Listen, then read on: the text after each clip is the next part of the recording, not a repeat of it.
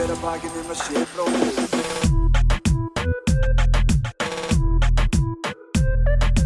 Hver að hver að bakið um að sé bróðir eigi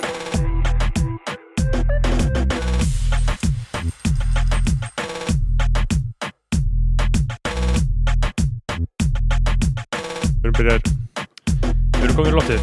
Já, við sælir Kæra bræðla, verið velkomin að uh, hljóðtækinum, hlustunartækinum. Þetta er uh, sérstaklega þáttur hérna hjá okkur í dag eftir, þarna, uh, eftir góð viðbröð við þarna, þessara uppbústungu í síðstætti. Þá þarna, verður þetta sér þáttur tilengaður uh, rapparnum og tónlistamannum og leikarnum og öllu þessu. Það Drake, er það máli, ég held að við verðum að fara að tala um stöðu drengja í skólakjörnum nei, við erum, við erum ekki að fara að gera það núna. Mm.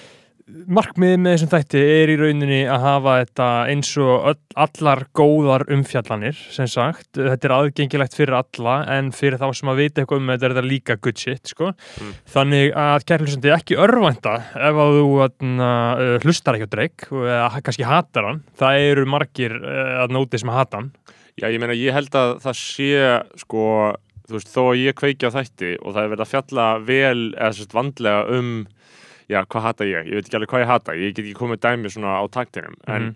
ég hugsa oft samt, þú veist, ok, þá vil ég samt allan að þekkja óvinnin Já. uh, og ég held að það sé mörgum holdt ég meina, það hlý, hlýtur að vera fullt af fólki og örgulega einhver, einhver svona smart asses í þarna Mhm. Patreon-hóknum okkar sem, sem þarna, eða ætlum að gefa þetta út fyrir alla Nei, þetta er Patreon sko. þannig, Eh, þannig að bara andlega vikt fólk sem var að hlusta á hann Já, ég er að segja sko. einhverju smart asses Já. þarna, í Patreon-hópnum sem sko hafa afneitað dreik og Já, pottet sko. hafa alltaf sagt, þú veist, ég menna því að ég ég, þarna, þú veist, ég man bara fyrsta minningi mín af dreik var bara þegar við vorum í áttundabekk, ég og Theodor Arnarsson, vinni minn, Mhm. og maður hlusta á þetta og Bjarki Sigursson líka sem var Ratio sem er ratio núna uh, við vorum meðal örfára manna sem hlusta á dreik og við vorum kallar Mhm. hommar fyrir það sko Já, já og það var bara, og þú kallaði mig hommar fyrir það sko. Já, ég veit nú ekki alveg hvort ég hafi notað háaðið en Nei. ég hef, uh, ég svífist þetta, Já, 100% Já, en, en við þurfum ekki að fara fram úr okkur, við erum að fara að fjallum hann á svona um, á breiðum grunni, mér finnst það frekar þægilt ég kom bara hérna í ítum að rekk og þú ert búin að Já. undirbúa þetta. Þetta er svona eins og þýst Ég- hlaðvarp sem ég hlusta á sem eru svona sem er alltaf að gera þetta, Þa- veist, þá, þá sér annar alltaf bara alveg um undirbúningi fyrir hvern Já. þátt. Við ættum kannski að skipta þessu svona meðlangar það, bara, það væri alveg en við svolítið gerum það alveg stundu þannig, bara hei, já. velt þú einhverju Það- fyrir þér, það- Þetta er svolítið svipað eins og uppáhaldspodcastin mitt uh, True Anon þar Já. sem að þau í rauninni uh, fjall, fjalla um eitthvað sko, og eru í samtali um það. Af því að ég get til dæmis ekki hlusta á hljóðbækur. Ég er bara 100% hætti því núna því það er svo rosalega mikill munur á því hvernig heiliðin meðtekur lesið og talað orð. Ef þið samtal er svo létt að detta út og koma aftur inn og er svo létt að húka mann með samtali en með, með lestri, þú veist ef þú ert eitthvað í rættinni að lifta og hlusta á hljóðbók og þetta ljúa sjálfur sko. þú nærðið ekki að halda einbindningu við það. allan ekki ég, nefnum sér það, eru- það allir að hlusta núna á hljóðbókina uh, um Jón Ásker um Jón Ásker já, einmitt, ég Eh, nenni ekki það því að ég, ég ætla að lesa bókina frekar því að ég get ekki hlusta á Mér hljóðbók langar að kaupa bókina í bónus sko, já, það væri eitthvað í gott sko. upprunalegu búðinu, hún kostar bara fjóðu skall við Einmitt. að, já, en þarna, já, það sem ég er að segja þetta, verður svolítið svoleið sko en árunum byrjum sko þarna, uh, þá er allt á uppleiði í samfélaginu. Það er allt, þarna, uh, það er stemming. Uh, Tesla var bara rétt árunum byrjum að taka upp hérna. Þá var Tesla að fjárfesta einni og hálfri biljón dollara já í þetta 1,5 Bitcoin, dólar, já, í Bitcoin. Uh, og Bitcoin er búin að fara upp um 35% síðan ég kefti já, uh, ok, hvað, hvað ertu búin að græða mikið penning? Já, þú segir það ekki, Ég, ég, ég segi það ekki alveg beint sko, en ég er búin að græða pening Já. og ég held að ég haldi bara áfram að græða og græða og græða. Uh, menna, Tesla, ég, ég, ég er náttúrulega ég er þú ekki með ekki að selja núna, nei, nei, nei, ég er bara að halda þessu svona sko, uh, og það er rauninni bara tilvíðun að ég eigi Bitcoin, ég keipti Bitcoin til þess að kaupa annað currency, já, einmitt, en þú veist, ég bara því, þetta var búin að halda mig, ég var bara ekki búin að því. Þannig að uh, ég geti verið að fara að vera ríkur. Það, það kemur ljós sko. uh, það kemur ljós.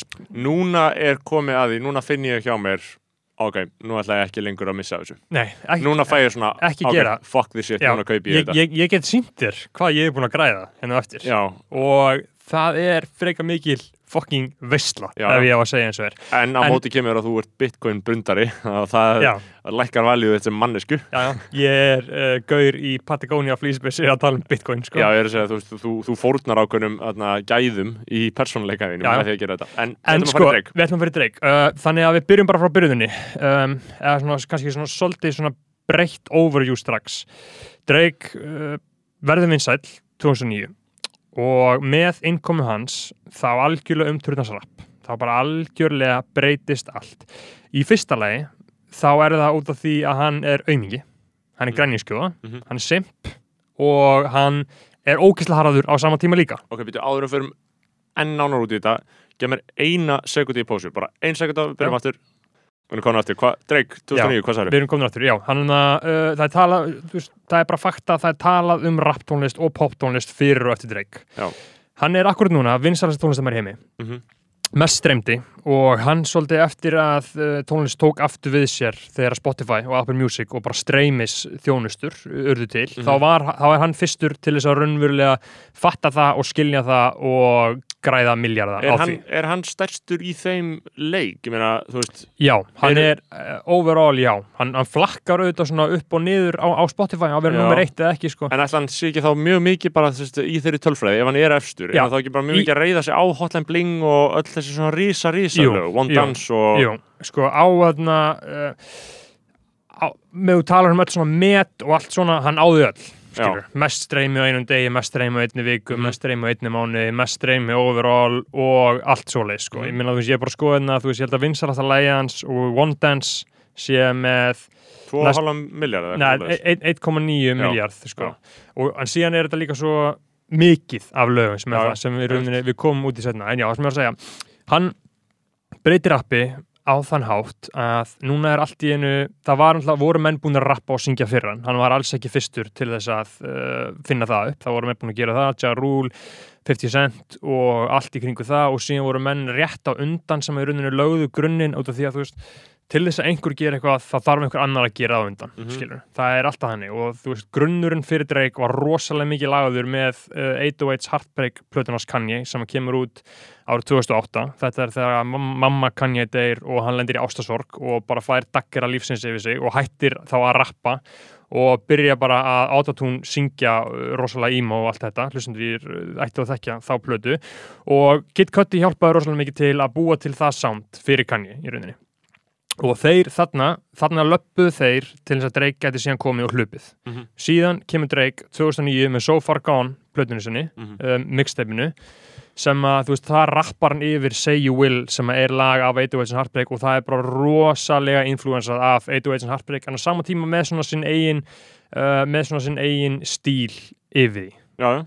Og út frá þessu Þetta er þarna- far gone 2009 Já, þetta er So Far Gone 2009 og út frá þessu þá allt í einu er Drake bara áraðin bara heitisegurinn í leiknum. Mhm. bara fullkomlega heitisegurinn í leiknum. Uh, en áður en við förum sko í það langum að spóla hans tilbaka bara frá sko að það er margt rosalega magnað við Drake. Uh, fyrsta legi þá er hann frá Kanada Hann er fættur á 1986 í Kanada. Pappi hans er frá Memphis og er svartur og mamma hans er frá Kanada og er hvít og er gýðingur. Þannig hann í rauninni er með þessa blöndu á sér. Mhm. Og hann elst upp í Toronto, eins og hlustundur ætti þekkja að hann rappar Toronto í hverju einsta lagi, bara 416, uh, sexan kalla sér alveg sex guðin eða sex mannin og þarna elst upp þar fyrst í svona semi-fátættakörfi svona næstu því fátættakörfi Já, og síðan flytjaði í fitnakörfi í útkværum bara er- Já, er í, ekki í, í, í, svona parkheila, þetta er svona semi-útkörfi, Mhm. skilur Þetta er alltaf, en þú veist, en Drake segir alltaf we, had a one room apartment in a basement, skilur Hann Já. reynir alltaf að gera rosalega lítið úr þessu, sko. En hann var ekki úr hann var ekki úr alvöru gettu hann var Nei. aldrei úr alvöru, Nei, nei, alvöru fátækt. Nei, hann, hann var aldrei úr alvöru fátækt, þú veist, mammans var bara hún var kennari Mhm. uh, og hún var uh, floristi. Svona bl blóma, blóma, blómasalið já, svona, that's And ironic because my mother was a florist and that's how she met my pops and now my garden is enormous segja Já. það uh, hún var svona florist, hún var svona blómannskja og þau voru bara svona neðri millistjætt uh, og einhver svona pappan svo bara braskari? Já, og pappans var bara player Já. frá Memphis, Já. bara player og hann á fullt af fjölskyldu í Memphis og Memphis er alltaf svolítið mögnu borg þetta er Memphis í Tennessee þetta er svona mikil tónlistaborg sko. þú farið ánga þannig? Nei, Nei. nei, þetta er í, í söðuríkjunum Mm. uh, þetta er bara við hliðin á Nashville í Tennessee sem allt country kemur Mhm. og síðan í Memphis er rosalega mikið, veist, Elvis er frá Memphis Já. og síðan er rosalega mikið rap eins og allt 36 36 Mafia og Juicy J og DJ Paul það var rosalega mikið í gangi þarna og núna er náttúrulega bara eitt bara rosalega mikið rapp í gangi í Memphis. Það er Yo Gotti og Mhm. Young Dolph og bara Key Glock og allir þessi görða, einhver einn enn ein, enn sem ég er að gleyma rosalega mikið, þannig að Memphis er rosalega mikið svona rappborg og Drake fekk alltaf þau og Eh, það er víbrur. já, fekk það rosalega mikið svona inn í sig sko. þannig hann kemur frá þessum svona í rauninu tveimur uh, algjörlega ólíkum heimum og hann sem sagt uh, er býr alltaf í Toronto, hann er kanadískur skilur, að því að pappa hans, mámspappi skiljið þannig fimm ára og að pappa hans flyttur aftur heim í, til Memphis og er síðan bara deadbeat Mhm. uh, Já. í rauninni bara Drake fyrir til hans á sumrin og hann áfyllt að systkinum þar sko, og tekið eftir, þú veist, Drake á engar systur eða bróður, þú veist, hann er engin sem hann reppar alveg sem það, af því að hann svona tengdist sko Memphis fólkinu aldrei eitthvað fullkomlega sko, Nei. þannig að þú veist, en hann fór bara þarna á sumrin og síðan setna í lögunum hefur hann rosalega mikið rappað um það að pappans hafi verið deadbeat. En Já, þeir eru auðvitað vinnir Þeir þeir, þeir eru er mikið vinir. Og pa pappans er moldríkur og ég meina pappans hefur rosalega mikið kapitalæsað af feiminu já, já, skilur, og þú getur fundið rosalega. hann á Instagram. Hann, hann er mjög virkur á Hann- gramminu hann, hann hefur gefið út lag veist, hann, kom fram á lægi sem hér Drake's Dad sem einhverju kanadíski gaur að gera hann er bara algjör cloud-chaser og þeir hafa átt í svolítið mjög sko flokknu sambandi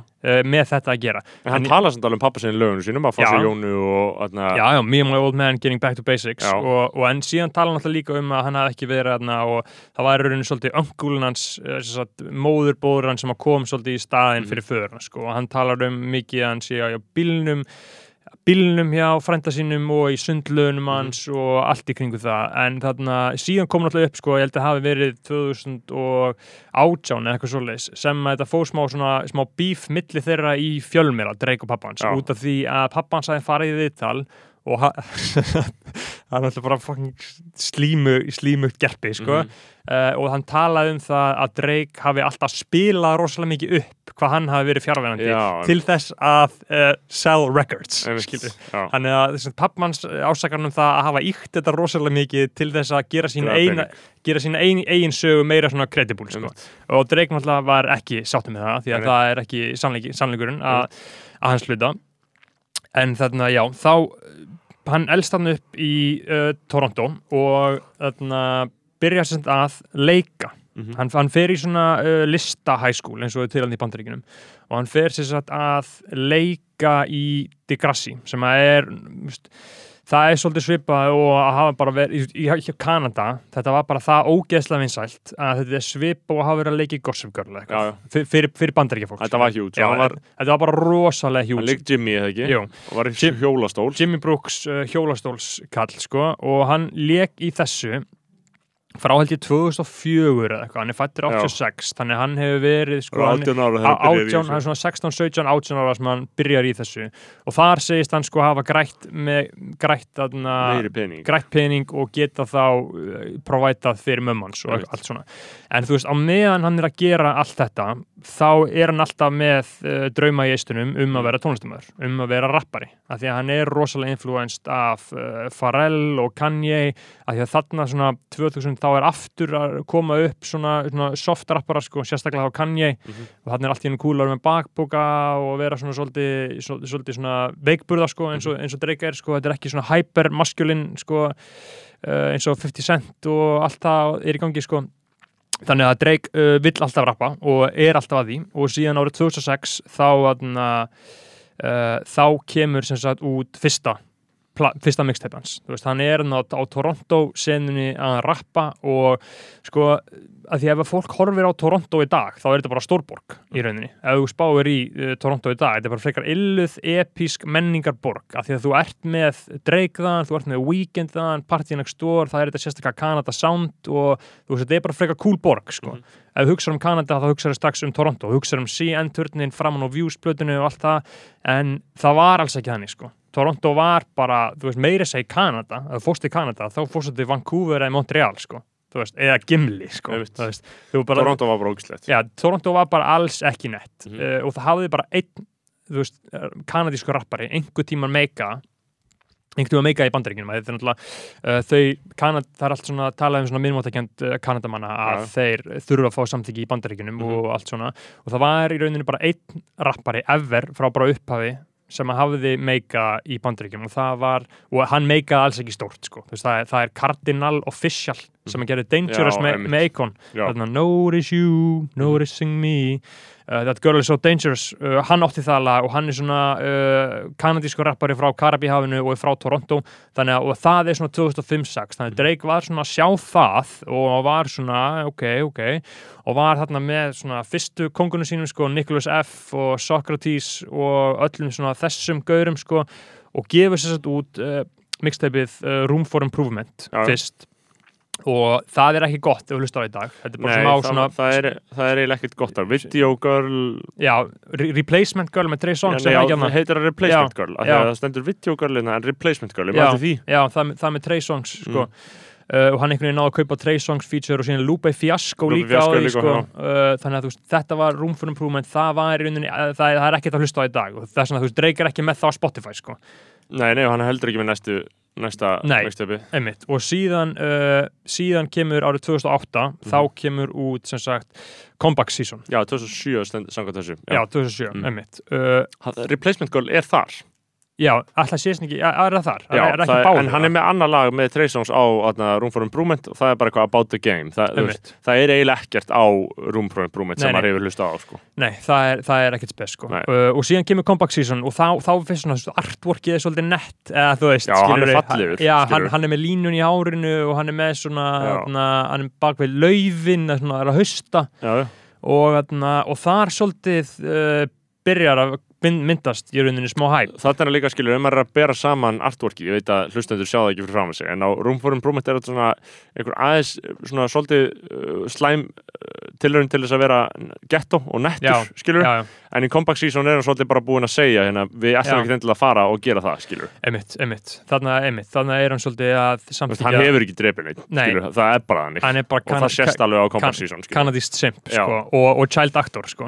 Já. og. Já, þannig að þetta var náttúrulega rosalega uh, erfitt að fá eitthvað samþyggi og vera credible eða eitthvað þegar þú ert að leika í rosalega vinsælu uh, sitcomi, Mhm. úlinga sko. já, þetta er svip og einhver Disney-stjarnar væri að reyna að vera tekin alvarlega sem rappari Já, þetta er það svo bara, Zac Efron væri að reyna, Já. hefði verið að reyna þetta er bara svona þannig Já, vibes, þetta er eins og hún sem er með hann driver's license lægan Olivia Rodrigo væri rappari það eins og það myndi allir afskrifa strax sko. það er eins og allir segja að það gerist, það er við erum að versta sem getur gerst fyrir fyrirlin er að úlingstelpur elski þig. Eh, þú veist, þá ertu þú veist, þá ertu búin að einhvern veginn gera þig að því sko, og þá ertu alltaf patroniseraði með það sko, já, já, já, þú veist, og nokkur hafa náða að vinda ofan eða en Justin Mhm. Bieber hefur ennþá ekki náða að losa við það Nei, skilur, ef þú hugsaður út í það, Justin Bieber hefur ekki verið tækinn trúalegur já, ennþá, af því að svo mikið úlingstelpur elsku hann, það er bara, hann er ennþá bara með þann stimpil sko. já, hjá einhverjum eitrum kallmennum sko. hjá einhverjum eitrum En- kallmenni, ég er að tala um svona almenni menningu skilur Já, en þarna uh, Drake náttúrulega rappar um að sko uh, drop my album uh, bitches buy it for the picture and n-words buy it say they got it for their sister hann, hann var svolítið að díla við það að gelnur elska hann, en Mm. málið er ef þú getur látið gelnur elska þig þá er ekkert mál að láta gaurin elska þig líka sko. Nei, nei, það er auðveldara, sko. og- það, og- það, er, það er miklu léttara að fá gaurana fyrst og síðan láta gelnur elska þig sko. Og Drake náttúrulega gerir það algjörlega fullkomlega að samina gellur og gaura, Mhm. en við komum að því setna þegar fer ég aðeins svona uh, setni part ferilsins sérstaklega þegar við komin í svona nothing, with, nothing was the same Já, jafnvel Eða aðeins Take Care, Take Care. sko, Já, svona- ta- Take Care þar byrja hann sko, Já. með Take Care læginu Mm. en síðan tók hann, Controlla og One Dance, Mhm. skilur, þetta er bara eitthvað shit þú heyrðu þetta og bara kallmenn og kvennmenn Mhm. náðu bara að linka Mhm. þar, þetta er bara fullkomið fullkomið, fullkomið Mhm. en þarna, já, þess að hann og ég tala um svona don't, on we're going home og eitthvað svona, en já, já, já, já. Uh, en þarna, hann gefur út þarna uh, Compact Season og það er bara svolítið svona jú, þá byrjar að mynda smá hæp um hann sko, því að þarna er svona þarna er, þarna er, svona, þetta er 2008-2009, þetta er bara allt annað landslag, landslag á internetinu, í rapptónlist og bara á, í tækni heimi sko. Þarna varstu bókstallega við vorum að hlusta á þetta í gegnum bara downloada plötunni og smellin hana iTunes. Já, emitt, það var bara, veist, þa- þannig byrjaði mín neysla á einhverju tónlist sem ég valdi mig sjálfur einhvern veginn, akkurat, akkurat. Það var þar sko.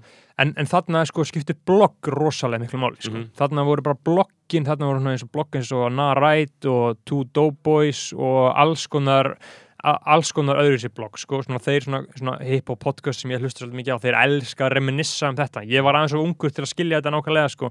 en þarna var bara, ef þú varst byrtur á þessu bloggi þá varstu bara búin að meika þá Já. náður rosa, það skiptir rosalega miklu máli að fá byrtingu á réttu bloggi þannig að það var rosalega mikið gatekeeping í gangi í, þess- í þessu Svo fer þetta þaðan væntalega ofan í bara einhverjar dettur þaðan ofan í einhverjar aðeins meiri mainstream leiðslur og Já. ratar þannig til mín sem er í 8. bekki hafa Já, skilur, það er einmitt. 2008, nei 10 sem ég byrjað þar sko. Emmitt, emmitt Þa, það er bara En ég byrja ekki að hlusta Drake fyrir en einmitt þá 2010 eða 2011 Já, aðeins setna, þetta náttúrulega á Íslandi berst, berst þetta manni alltaf aðeins, aðeins setna Já, sko. já, og við vorum ekkert að hlusta mikið á Comeback Season það var ekkert, Nei. þú veist, það var bara einhver, einhver þú veist, það var Replacement Girl og, og Mhm. eitthvað svona smá, skilur Comeback season er bara ekki nógu nægilega gott, hann var bara ekki nógu í rauninni þroskaður sko. Nei, en svona sagt, comeback season hann það en svo kemur má út- náttúrulega geta þess að Trey, Trey Songs er sko með þrjú lög á Comeback Season eh, hann er líka með lag hérna Room for Improvement og Mhm. minni mig lag auðvitað svo fór gone líka þeir voru mjög close og Trey Songs, við Já. vorum líka þú veist, og það er náttúrulega eitthvað sem hann hefur ekki verið, hann hefur hann er líka svífurtur ennþá, en hann Já. er episkur ég hlustaði ógeðslega mikið á Trey Songs en sko. hann, hann er svona svo- svolítið ennari sko. Já, er, hvað er hann? það, hann er ennari, það, Er það, hann- það er komið er ennari, já. Það, það hefur komið, og meina Drake svífirt hann líka þegar svona það sem hann rappar then she started telling me how I'll never be as big Big as Trey Songz. Songs boy was she wrong Já, já, svolítið svífirir hann með því sko. Já, já. en Trey Songs auðvitað hann er með fucking hittara og hittara og hittara og classic sko. Bara já við hlustuðum alveg bara lengi á Trey Songs sko. Já, það, það er bara mjög mikið geggjum lögum trygga, hann var fucking illaður Já, sko. var Uh, en ég, ég, ég, ég, ég selða ekki alveg dýra hann ég kefti hann sér ennari sko, en ég bara, ég sá einhvern þráð um hann, um hann á Twitter um daginn sko, ég, ég, ég, ég kyn- kynnti mér ekki alveg fulluna sko. en þarna, sko, 2008 þarna er Lil Wayne komin á sporið Mhm. með Drake og þarna er Drake það er komið smá hæp í kringum hann uh, og þarna er hann að byrja að fara til bandaríkina og kynnast pródúserum og kynnast öðrum röppurum og öllu í kringu það Mhm. og, og á þessu tímabili þá fyrir hann sér til Houston og þetta er rauninni mjög mikilvægur partur af Drake lórinu er sér sagt Houstonborg í Texas. Uh, það er einhver dagur þar sem heitir Drake Day, þú veist Mhm. að ég elska hann það mikið sko. Og lægið af So Far Gone November 18th er Drake Day af því að þú veist þá, þá er hann að uh, þetta er svona Texas lag, Houston lag sem hann notar stílinast uh, DJ Screw svona chopped and screwed og Drake hefur Hvað er þetta? þarna? It's the ones that smoke blunts with you Já. já. Þess að Biggie samplið, Mhm. it's the ones that smoke blunts with you, see your picture, then they wanna grab their guns and come and get you. Mhm. Samplað uh, í svona Houston DJ Screw stíl. Já, og þarna, Drake hefur alltaf elskað Houston og Houston hefur alltaf elskað hann og það er út af tengingunni við, sem sagt, uh, Rappalot Records, Mhm. sem er, sem sagt, uh, J. Prince og Jazz Prince. Jazz Prince er sem sagt sonur J. Prince og J. Prince er gaurinn sem stopnaði Rappalot Records sem sænaði uh, Ghetto Boys Supreme gerðu sko uh, svona tribute peysur til Ghetto Boys og Supreme og Ghetto Boys er hljómsveitin með My Mind Playing Tricks on Me þú mm. þyrta dun, dun, dun, dun. Mhm. og allt í kringu það er svona rosalega legendary Suðuríkja rap label uh, hetta af þessum J. Prince sem að kemur síðan aftur inn í sögu Drake í gegnum Pusha T beefan sem við förum aftur í veðna þetta er bara svona einn af svona mest legendary svona label hausunum í, í rapsögunni sko. Uh, og sonur hans elskar Drake og sonur hans er náttúrulega bara tengdur bara fyrir það eitt að vera sonur hans. Ég held að hann er eitthvað svipum með aldrei á Drake aðeins yngri jafnvel sko. Jas Prince. Og hann sýnir Lil Wayne Drake og Einmitt, síðan, og síðan linkar hann í rauninni þá saman. Og Lil Wayne og Drake gera fullt af lögum saman. Bara r- einhver svona tíu lög eða eitthvað svona. Mhm. og það kemur út til þess ransom að þetta því. Mhm. epist, það sem að þeir eru bara að rappa um, á hvorum, það er ekki á So Far Gone en það Nei. kom út aðeins á undan. Og þarna einhvern veginn fattar Lil Wayne og við verum að fatta það sko, þarna 2009, 2010 þarna var Lil Wayne uh, eins stór Já, og einhver rappari hefur eiginlega nokkuð tíma verið sko. já, já hann er bara yfir náttúrulega vinsæll hann er í rauninni hann er svona næstu jafn vinsæll og Drake er í dag eða Drake var í fyrra sko. hann er bara algjörlega huge og er svolítið mikið að byggja upp sitt eigið dæmi þarna sagt, uh, Young Young Money, Mhm. hann er sagt sænar hjá Cash Money sem er Birdman uh, pappi hans, eða svona sá sem ætlæt hann sko og hann er að búa til sitt eigið dæmi Young Money og fær sem sagt Drake þangað og Nicki Minaj og Tyga og þarna 2009 þá í rauninni eru þau uh, rosalega mikið í gangi hjá þeim og þarna þau gerur lög Bedrock og Every Girl in the World og alls konar svona. Og þarna Mhm. fær Drake svolítið að skína. En við komum aftur á því uh, aðeins einna þarna þarna er þess að Drake í Houston að taka þetta upp og kynnist Lil Wayne og Lil Wayne bara elskar hann hann bara sér eitthvað í honum ég meina, ímyndað er að sjá eitthvað í Drake árið 2008 hann var aumingi, En sko, það er náttúrulega svolítið sérstætt sko En, það er magnað að sjá eitthvað í honum en þau áhrif sem það hefur að því síðan byrja þeir náttúrulega að gera sitt sitt saman Mhm. uh, Ég held að það sé ekkit óskynsaleg kenning að því ég var einmitt að reyna að hugsa út í það þú ert að tala um þessi blogg, skilur ég var Mhm. auðvitað ekki að lesa neinn blogg þegar ég var Nei. 13 ára, bara ekki séns þetta var Nei. bara eitthvað sem hljómaði sæmilega sem að byrjaði bara eitthvað að hlusta á, skilur Mhm.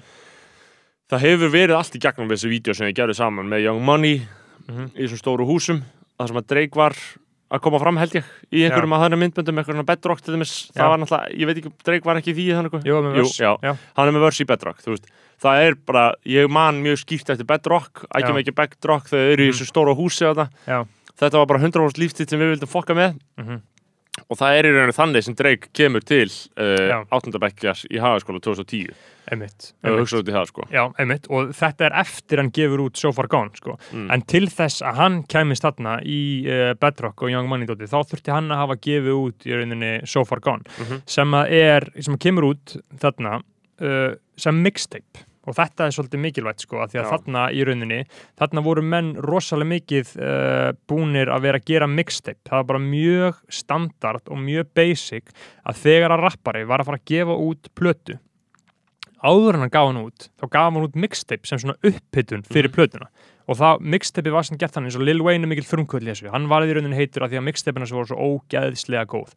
Þá sem sagt notaður lög sem að voru nú þegar til instrumentalana á útvarpinu og í rauninni coveraði það en einhvern veginn reyndir að gera betra en upprunnilega lagið Mhm. og Lil Wayne uh, er mikill frumkvöld í þessu en náttúrulega 50 Cent líka og Young Jeezy og T.I. en á þessum tíma var Lil Wayne bara kongurinn í þessu alltaf að covera lög og að gefa þetta út sem mixtape bara ókipis á netinu á live mixtapes eða dat.piff ég náði svolítið í skotti á þessu era sko, ég Já. byrja akkurat að fylgja svo rosalega mikið með rappir þegar þetta var svona að píka sko þarna 2009-10 og þarna hann gefur út So Far Gone Drake, sem svona svo kallar mixtape en munurinn á So Far Gone og mixtapein sem hefur komið út á undan var að þetta voru allt frumsamin, fersk, episk lög upp, upp til hópa að meira hluta Mhm. skilur. það var ein, einhver cover, cover eins og Ignorant Shit og þarna og það sem gerði við að Say What's Real og allt í kringu það sko, en, en almennt þá var þetta sko bara fersk, Fersk. frumsamin lög. ný lög. Og þetta hafði ekki, þú veist, bara allir hugsaði bara byrja, ha, þetta gefa þessi lög? Þessi lög eru ókipis, en þarna var svo ennþá svo mikið, núna hugsa allir um tónlist sem ókipis, að þú ert hvað sem er bara með Spotify. Mhm. en þarna var ennþá haldið í það, þú átt Að að kaupa tónlistina, Mhm. þú átt að eiga hana. Og ef þú kaupir hann ekki, þú átt að kaupa hann á iTunes og þá átt hana, þannig að það var rosalega mikið sjokk fyrir bransan að hann skulle vera að gefa þessi lög.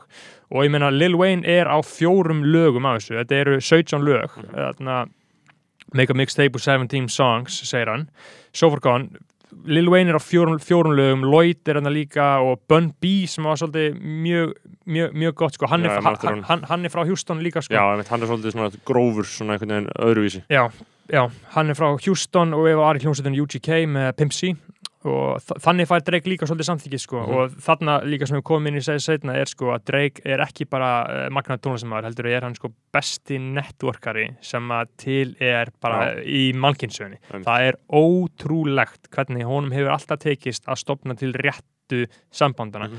og að taka einhvern þegar hann er heitur og nota hann, og nú- nota hann undir Já. þeim formerkjum hann sem gera honum greiða en hann að gera sjálfins heita Drake er bara með svo fokking episkan smekk á dóti og Mhm. veit alltaf svo fullkomlega hvað er feitt að því hann er bara að hugsa því að þú veist hann svolítið eins og ég sé Drake fyrir mig þá, hugs, þá hlustar hann og hugsar og fylgist með kúltúrnum og rappi bara eins og algjör gaggrínandi sko, Já. og bara svona superfan svona algjör superfan eins og ég var rosalega mikið þegar ég var úlingu líka sko. Mhm. bara brjálaður superfan og þess vegna gat hann alltaf séð bara, heyrðu byrju, bó, þess er að gera eitthvað fucking illa shit uh, ég ætla að gefa þeim hérna smá mínu og Mhm. taka allt þeirra í leginni Já. eins og hann gerði með Migos, eins og hann gerði með McConan, eins og hann gerði með Fetty Wap, eins og hann gerði með Kendrick eins og hann gerði með A$AP Rocky, allt þetta við komum aftur uh, að því síðar þannig að við erum komin að hann gefur út So Far Gone og þarna er búið að sæna hann til Young Money Young Money Entertainment, þá er þetta 2010 Nei, 2009 Já. En þetta er sem ekki ofnbær útgáfa af Young Money út af því að það er ennþá þú veist, það er hugsa um mixtapein sem markaðsvör mm Mhm. veist, mér er magnað að hugsa til þess sko. Þú veist, það er ekki verið að spá í þessu sem eitthvað sem þú græði pening á þetta er hérna, við ætlum að gera þetta hér og síðan græðu við peningin á plötunni Einmitt, þetta er bara eins og bara geggjum markasning eins og bara, bara, bara búið til eitthvað pepp já, þetta er eins og, þú veist, Rick Ross þegar hann var upp á sitt allra heitasta og episkasta 2012, þá sem sagt uh, gefur hann út mixtapeið Rich Forever fyrir plötuna God Forgives I Don't Mhm. og Rich Forever er bara það, það er líka bara frumsamlu lög Já. út af því að það er eftir að Drake breytti því sko. Mhm. og algjörlega og það er bara miklu betra enn platan sjálf sko. hann er rauninni kláraði all eininguna og allt púðrið fyrir Nei, það að því að, að því að sko uh, ég er lengi reynd að skilja mixtape, munin á mixtape, EP og Já. blötu og eitthvað svona. Er það þá bara mixtape er bara ókipist dót? Já. þú bara gefur þetta, Þa, það er alltaf, alltaf það er grunn það er alltaf í rauninni grunnhugsun sko, ef við förum aðeins dýpra í sko, gaf sjö, Flóni eitthvað út mixtape? Þú, hann kallaði það sem er rámt Flóni, já, það er bara hann að vera fucking já, að því að Flóni hefur hlustað svo mikið á rap skilur, veist, heldur þetta sem mixtape? Já, þú veist bara, hver og veit bara með sína skilkenninga á þessu sko. já, er, En- er það mixtape? Flóni 1 er ekki mixtape, það er plata að því leiti að að, að því leiti að það bara kemur út á Spotify lögin eru mixut, lögin eru master þetta eru frumsamin lög og Flóni 1 á höfundaréttin af þeim Mhm. skilur, Þa, það er basically bara that's it sko. en mixtapeina, við förum aðeins sko dýpra í sko, sögun á því, þá er sem sagt uh, gauður sem heitir DJ Drama sem er frá Atlanta Mhm. sem að er í rauninni pæjonýrin á uh, frumkvöldin að þessum svo kallum mixtapeum, þarna komu rappara til hans já, og hann sem sagt hostaði mixtape hann er með svona segur sem heit Gangsta Grills og þarna, og þá var hann bara að taka einhver skrýn lög DJ-ið með okkur diskum og Já, og- var fólk að rappi já, rapparinn kom bara og spittaði yfir þetta. Og náttúrulega, en 50 Cent á náttúrulega líka svolítið mikið kredit fyrir það að, að vera fyrstur þessum með sko eins og áður en hann gaf 50 Cent, þú veist þegar 50 Cent gáði plötunum sína Get Rich or Die Trying árið 2003, þá er það stærsta debut uh, í sögu tónlistar. Já. Þetta er að sölu hæsta plata á fyrstu viku, bara frá, sem fyrsta plata debut plata, það, haf- það, það hafði ekki sérstæður sko. Mhm. og 50 Cent æði kom náttúrulega henni til það var Íslands bara út sko. af þessum mixtape Já, það var út af því að hann var búin að vera í fjögur ár að harka í mixtapeunum og hann harkaði mixtapeunum þannig að þetta er fyrir dag internetsins þá tókstu mixtape upp á kassettu og seldið út á götu já, þetta, þetta var þannig dót sko. Mhm.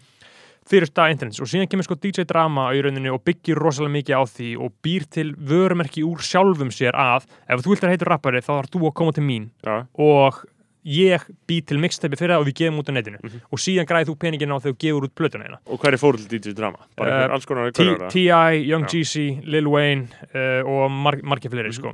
en síðan gerist það árið 2006-7 að FBI reytar stúdíóðans DJ Drama það er bara að finna geggjar YouTube-klippur aðeins ég mæli með að checka á þessu sko. uh, ja, FBI, bara Federal Bureau of Investigations þau shutdowna alla starfsemi hans að því að hann, það sem hann er í rauninni að gera er að hann er að stela lögum. Já, frá útvarpinu fra, bara frá útvarpinu og bara frá alvöru plötu og- fyrirtækinu og alvöru plötu fyrirtæki hugsuðu fyrst um þetta sem bara, hm, ok, þetta er gott, góð markasetning fyrir rapparinn okkar, bara big business, hann stjórnar öll í bandaríkinum Mm. uh, þetta er góð markasetning fyrir rapparinn okkar en byttu, byttu, byttu, byttu, byttu það getur ekki verið að stela lögum af poppurinn okkar mm. þeir eru að fá borga fyrir það, en það var enginn að fá borga neitt fyrir þetta fekk, ég veit ekki svona DJ Drama, jú, hann fekk bara borga frá rappurinn og plötu fyrirtækinu þeirra, sko já, en þú græði enga pening á sjálfuna þetta var ókipis á internetinu fyrir hlustandan sko. þannig að FBI reytar þetta hjá honum og slekkur alveg á því sko. Og síðan alltaf hefur DJ Drama hann alltaf verið legend sko, uh, og alltaf verið að halda þess áfram að gefa út plötur sko, sem hann, hann hóstaði sjálf þetta er svolítið svipa og DJ Khaled gerir sko. Mm. það sem hann í rauninni uh, gerir ekkert sko. en Mhm. DJ Drama kemur líka setna inn í hlustunar þetta þekki hann sko úr rapsögunni að hann sem sagt býr til uh, labelið Generation Now með Don Cannon og sænar Lil Uzi hjá það og þeir sem mun eftir Lil Uzi 2016-17 þá hata hann label sitt meira en allt í lífi sínu sko. Mm. hann bara hata meira en allt þeir vildi ekki leiða um að gefa tónlist sko. þannig að DJ Drama fekk svona svolítið slæmt rep á sig Mhm. uh, fyrir það í setjum tíð á síðastlinum árum en ég held að þessi búin að setja sér í dag sko. Jack Harlow í hafa núna og Uzi hatar hann út af því Mm. en aftur að Drake þá gefur hann hérna út uh, Soforcon og gjössanlega bara slæri gegn með til dæmis og það fer útvarslag uh, besta ever had það verður risa hittari það er hittari sem kemur til Ísland sko. það er ég, sem kemur ég til man Íslands. eftir því sko. ég man eftir því, það var bara alveg rosalega hjúts og besta ever had, Kanye leikstýrir myndbandinu af besta ever had Mm. og þar í rauninni hefst samband þeirra sem er eitt sko stórfældasta og flóknasta fyrirbæri rapsögunar sem við förum aftur í hérna setna, en munum ekki alltaf vera svona að íja að í gegnum alla þessa umfjöllun hjá okkur. Kanye leikstýrir uh, besta ever had og síðan eru fleiri hittar og successful ég er að hugsa núna sko hvort það gæti endaði tveimur þáttum sko hafður hugsað þér að það veri ómögulegt? Sí- sjáum bara til. Já, af því að við erum konum með sko 35 mínútur af gasi. Já, sjá, sjá, Sjáum bara hvernig það þróast. Sjáum bara hvernig það þróast. Uh, Þannig að Kanye leikstýrir þessu? Besta hefur hættin Einmitt. hann leikstýrir því og, hérna, og það verður bara rosalega, rosalega, rosalega vinsælt og í rauninni allt í kringum það verður rosalega stórt. Það, það er svolítið stórt að Kanye sé að í rauninni að kósaina hann í rauninni strax af því að Drake náttúrulega coverar líka uh, Say What's Real lægi hans þarna Mm. og þetta verður bara Lil Wayne er líka með hann og þarna er hann bara orðin Young Money Young Moolah Baby Þetta var Drake feskur. já, YMCMB og þarna, þarna kemur þetta allt bara þetta er alltaf, þetta er alltaf uppleið Drake er að vera vinsællari og vinsællari og vinsællari og vinsællari Mm -hmm. um, verður bara svona svolítið rosalega heitur, svipa kannski Lil Baby er í dag eða eitthvað, er Mm. mm. erfitt að sa- bera á saman en bara heitast í gaurinn í leiknum sko. Uh, og þarna er beð bara í, af óþreyju eftir sko, uh, Think- Plötunni. eftir plötunni af því að þarna var svo mikill munur á því að gefa út mixtape og gefa út plötu, þetta Já. var mixtape og síðan kemur platan Einmitt. og síðan hérna líður tíminn svolítið áfram 2009, Drake hann svona allir poppast upp og verður ógislega vinsæll og vinsæll og vinsæll og síðan kemur Thank Me Later út hún kemur út um sumarið 2010 Mhm. og þarna ert þú örgulega að hlusta á uh, Drake Nei, ekki? nei, nei, nei það, uppgötu þú hann eftir það er eftir að þeim ég leiti ok. kemur. Sko. Að Ok. Sömari 2010, sömari áður en ég byrjaði í hafa, sko. Einmitt, Og einmitt. síðan með höstinu, þá byrjaði ég að hlusta Já, akkurat og Think Me Later kemur út og hún, þú veist, þetta er bara svona típiska rap debutið, hann er með, að þetta bara heitast í gaurinn í leiknum, hann er með alla á plötunni, hann er með Young Jeezy hann er með Lil Wayne, hann er með T.I. hann, hann er með Nicki Minaj og þú veist það stærsta er hann er með Jay-Z á þessum tíma og náttúrulega ennþá enn því það að fá vers frá Jay-Z sem er bara geitafurinn í þessu öllu, bara forfæðurinn og aðal kongurinn þá í rauninni skiptir það bara öllu máli. Að fá vers frá honum var svip og að fá Drake vers árið 2016-17 bara svona algjört power cosign. Og þeir sem gefa, gera þetta lag light up og þarna í rauninni byrja líka upphaf þeirra samband sem er rosalega flókið og Já. spinnast allt saman í sambandi á Kanye og Jay-Z og allt í kringu Mhm. það. Fyrir við komum aftur að því uh, setna og Kanye pródúserar uh, Find Your Love.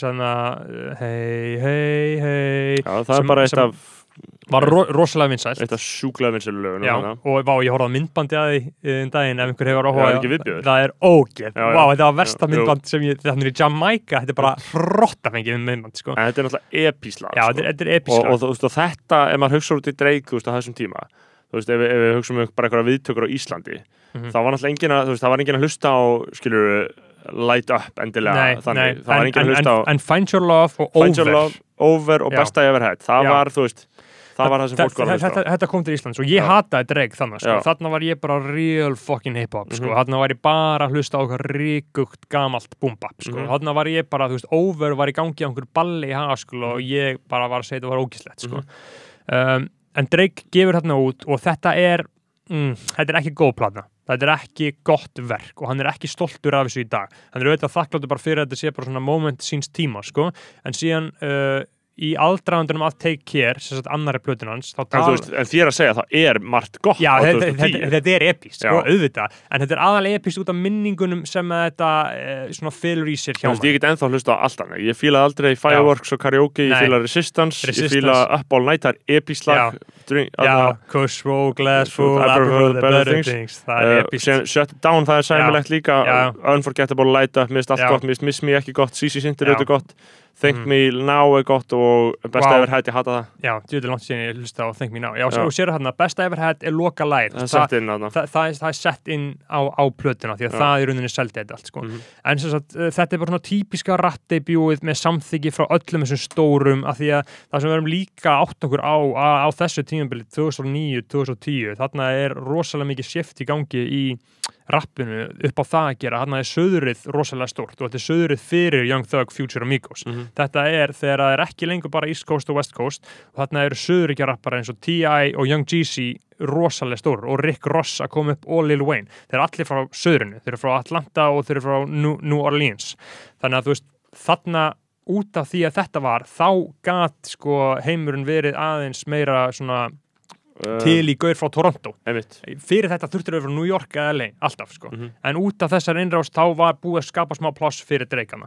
Og þeir eins og kemur uh, kemur ljóst þá eru þeir allir hérna á plötunars en hann segir svo setna í aðdraðandum að take care að þetta var allt úr rössjað og ég eiginlega hata þessar plötu Já, veist. leitur þessu. Já, Thank Me Later sem er platan sem kemur út 2010 líka bara ógislega ljótt coverart og þarna var Drake svolítið smekklus þarna var hann ekki orðin cool sko. Nei, nei, og þetta, þetta var, hann var, uh, þú veist, ef við tölum um stökkið á milli Thank Me Later og síðan Já. Take Care, þá er það alveg Já. óskiljanlega mikill munur. Því á Take Care þá er valla, það er eiginlega ekkert lélegt lag. Nei, og, mér. og náttúrulega það sem að við þarna, uh, það sem ég var ekki búin að nefna sko er að uh, So Far Gone var að meiri hluta hún var executive producerð af Forti OVO Forti sem er sem sagt uh, hvítur Kanadamaður Mhm. Já. og kongur sem er MS sjúkdóm og mikill stóner og mikill fucking konungur hann sá mjög mikið um So Far Gone og ég think mér leitir fór hann svolítið frá Forti Forti auðvitað pródúserar eitthvað hana, Mhm. en svona signature soundið þeirra, því það er til hluti sem heitir bara svona Toronto hljóðið, sko Já, já. svona smá svona underwater einhvern veginn svona gl gloomy taktar það var, það var svolítið hætt við það í Think Me Later og í Take Care þá vildu rauninni fara aftur, inn í það, Mhm.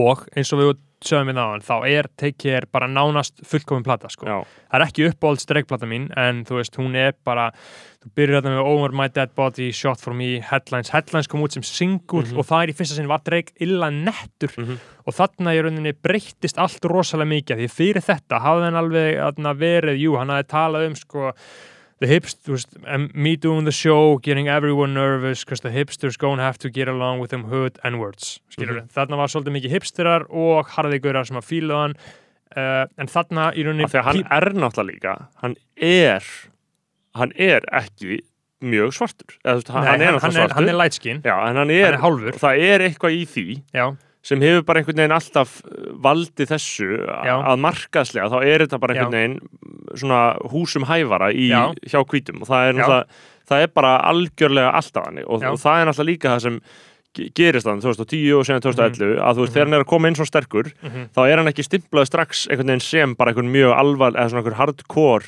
ofbeldismadur Einmitt. heldur fær hann bara hann stimpil sem bara svona þessi mjúki gaur já og ég held að grínið hafi, þú veist, grínið um að Drake sé svona viðkvæmur, það Já. byrjar svona 2013-14 kannski, um, að, um að maður sé að byrja aftur með fyrirhundi kæru es, svona það, það er samt náttúrulega gerðið sko með Marvin's Room sko. Svolítið með því sko, því að Marvin's Room er sko toxist fucking simp auðmíkjalag sko. og, og það kemur út sko sem það droppar sömari 2011 Já, sem, það, fyrir, það, York, það, sko. það er fyrsti singullin fyrir Já. Take Care ég man að ég downloadaði því á Pirate Bay í New York Marvin's Room sko. Já, og, og það er alvöru gott Já, stöf veist, það, þetta er bara fucking sjúkt, sko, þetta er bara svo fucking mikil sjálfsvorkun og auðmíkjaskapur og mikið væl og bara, þú veist, það bara tengdu allir uh, toksískir litli kallmenn við þetta, sko. kongarnir ég og, og það er sko, þú veist, að því að ef maður hugsa líka áfram um viðtökusöguna, þú veist, að því að við erum alltaf með, við erum með stóra samingi og svo erum við í Ísland Mhm.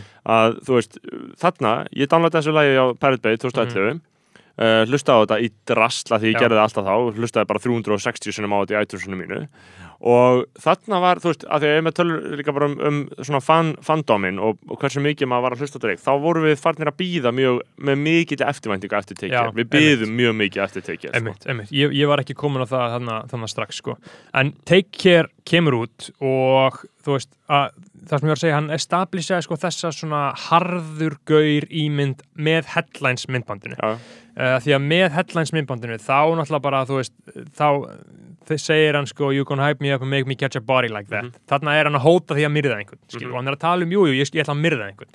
Og þarna var náttúrulega rosalega mikið hleyið að þessu sko, en hann var bara svolítið mikið fake it till you make it. Þarna byrjaði hann að feika þarna þetta til, byrjaði hann að búa til herru, jú, ég er morðingi Já. og ég get myrtið Mhm. þarna byrjaði hann að, búa í rauninni þá ímynd til Mhm. sem er náttúrulega rosalega fyndið og er náttúrulega bara sér dæmi í rapptónlist að menn monti sig af glæpurum sem þið fremja það er bara algjörlega magna, meiri sér bara á Íslandi. Mhm. þú veist, það er bara mennir að tala um að selja dóp og að hata lögguna og veist, það, það er rosalega fyndið að sko, það snýst um það. Já, en veist, það er rosalega myndið og og MF Doom uh, er með mjög frækt og gott lag uh, sem heitir Rap Snitches og það sem hann rappar sko Rap Snitches, telling all their business sitting in the court and be their own star witness og síðan segir hann Do you see the perpetrator? Yeah, I'm right here bara gauður að snitcha á sjálf sig að gerði kriminalísera sjálf Já, sko. Drake gerði lag sem heitir Mob Ties Mhm. og hann rappar um sko I send all my money to banks in the islands and eat with Italians I do.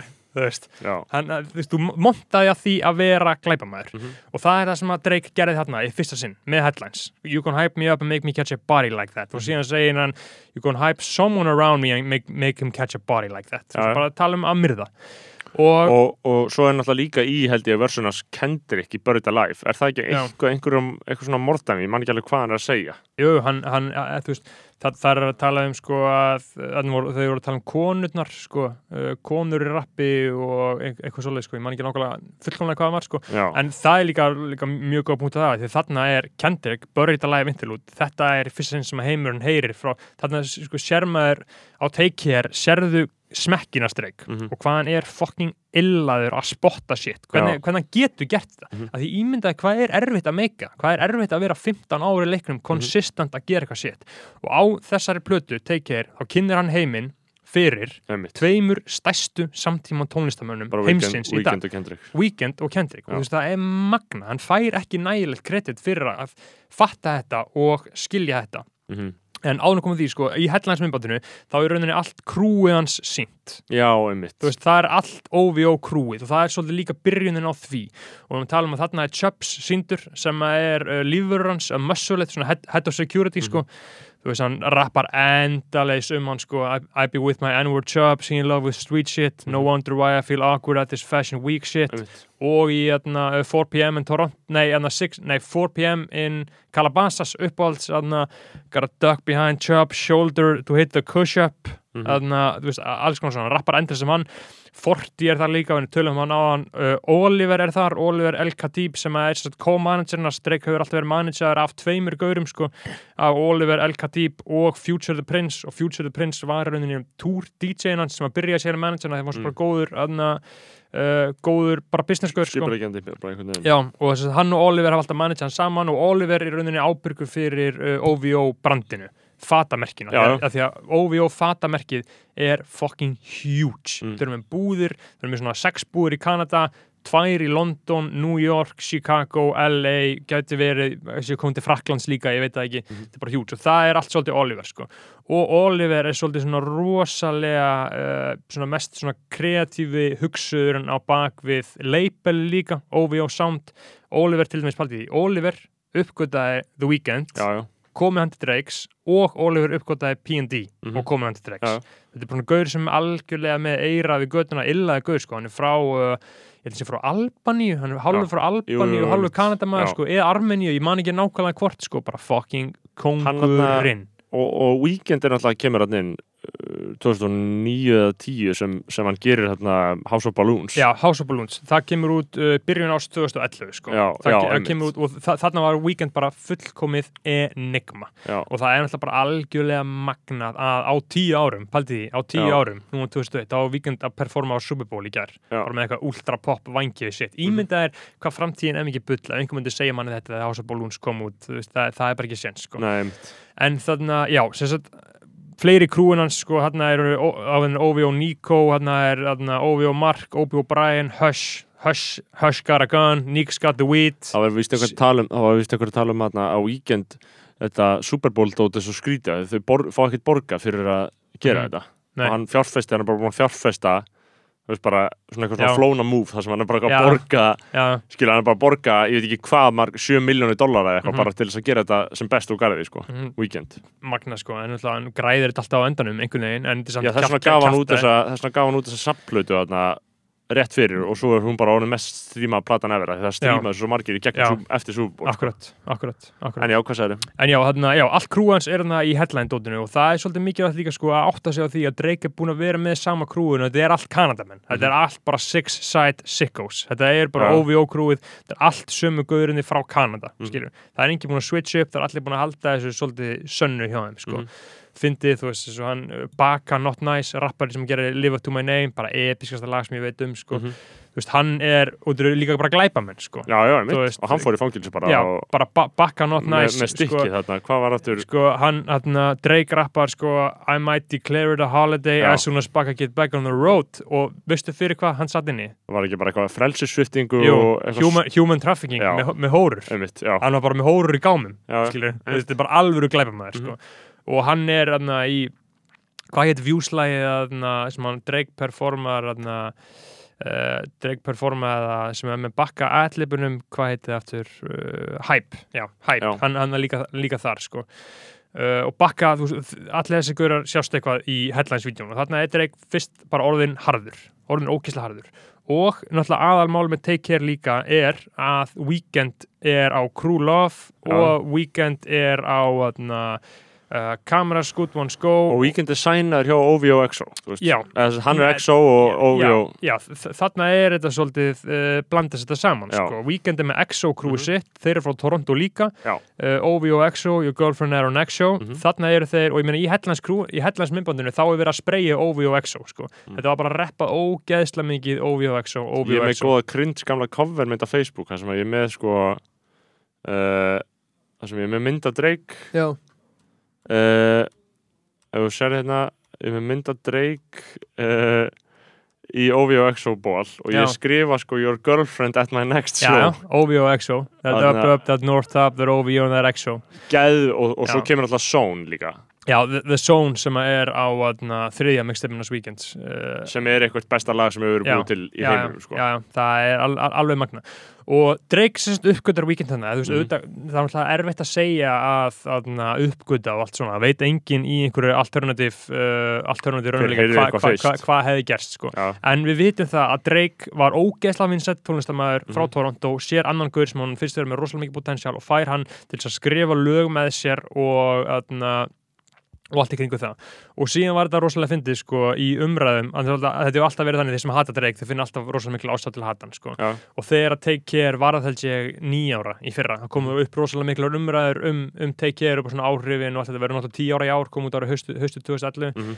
þá aðna, voru allir, þá byrjaði Drake sko að svara kommentum, Já. af því honum finnst svo pyrrandi að narratífan sér trú að Weekend fái allt kredit fyrir Take Mhm. Care, en Weekend skrifaði bara í fjórum lögum hjá hann, en narratífan hefur svolítið mikið verið að Care er sé sé, sé, sé svo góð plata út af Weekend hann er, Drake fekk nóaði og byrjaði að svara fólki í kommentum sko. Hva, hvaða plötu á hann aftur að hafa stólið bara í heilsinni frá Weekend? Var það ekki bara þessi Jú, plata? jú, þú veist, hann, hann var að fara stólið fullt af lögum eins og Crew Love skilur, tekið af, af, af mixtapin sem hann gerði í potið sko. Þú veist, það er bara e- ekki spurning Og þá er það bara, Og- þú veist, bara Ólafur Eliasson er að gera það Já, þessu já, sko. já, er bara, svona virkar þetta, skilur. 100%, 100%. Þau geta þig, þú verður að geta. Og, hefna, og, á, og, og þarna þetta, þetta, þetta, þetta gerist þarna sko, að uh, eftir þessa plötu, hún kemur út og þá náttúrulega Weekend voru að stjarna. Og síðan setnum höstu kemur út Trilogy Trilogy, sem er þess að mixtapein hans þrjú, það eru Sem voru þegar komin út og hann já, gefur út já, út sem það, það sagt Echoes of Silence, uh, House of Balloons og Thursday Já, Echoes of Silence er þá nýjasta dótið, Já, sko. Echoes of Silence er þriðja, fyrst kemur út House of Balloons, síðan kemur út uh, Thursday og síðan Echoes of Silence fannst mér alltaf svona sérstök sko, hún er svona frönsku Já. skotin, hún er Já. meira svona Montreal, Montreal, eitthvað- það er epíst sko, fucking epíst sko Þarna það sem hann er aðeins meira bara að fokka í, ég veit Já. ekki hvort það sé bara, bara að syngja á frönsku sko. hann er að syngja fransku í, í Já, Montreal sko, ég man, mér langaði svo mikið í skiptinám til Montreal einhvern veginn, ég Já. að hlusta á þetta lag og hugsa um Montreal, Já. en þannig uh, þarna Ég með langar mjög mikið til Kanada, ég var Já. alltaf að sjá þetta og Cohen, Cohen er frá Quebec held ég, ko- eða ég- ég- hvort hann sé frá Montreal. ég, ég held hann, já ég held það, ég held það. Quebec er náttúrulega í Montreal, nei Montreal er í Quebec Byrju, Montreal er borg sem borg er, í Quebec Quebec er franski hluti í Kanada já, en og Montreal er borg er. Quebec ekki borg? eða? Jú, Jú, er Montreal borg? nei, nei, nei, Quebec er ekki borg, það er Nei, já, ég er að segja það, það er bara fylki. Já, Já, Quebec já, er bara fylki já, og Montreal er þar, já. Montreal er höfuborg Quebec fylkis, Já, það er alveg rétt, já. Já, Cohen er það, en, Cohen er en, en, en Cohen er brálaður sæjonisti, vissu það? Já, auðvitað, hann Ég- er líka, ég- er hann ég- ekki geðinga ættum eða er hann síkuna ættum Jú, ég veit ekki, en, en hann er eitthvað svona þannig að fór, hann fyrir að gigga fyrir ísraelska herin og sannig sétt, sko. Já, gaur, ég held að það sé alveg full ástæðis að fyrirgefa mjög mörgum að, við- að þeir séu síjónistar, sko. Þú veist ekki hvernig það er hann í bandaríkjunum, sko. Já, já, reyndar, það, það getur alveg. Drake, Drake er bóttið síjonisti. Ha, heldur að Drake sé ekki síjónisti, mamma sé Já. geðingur. Það er Já. ekki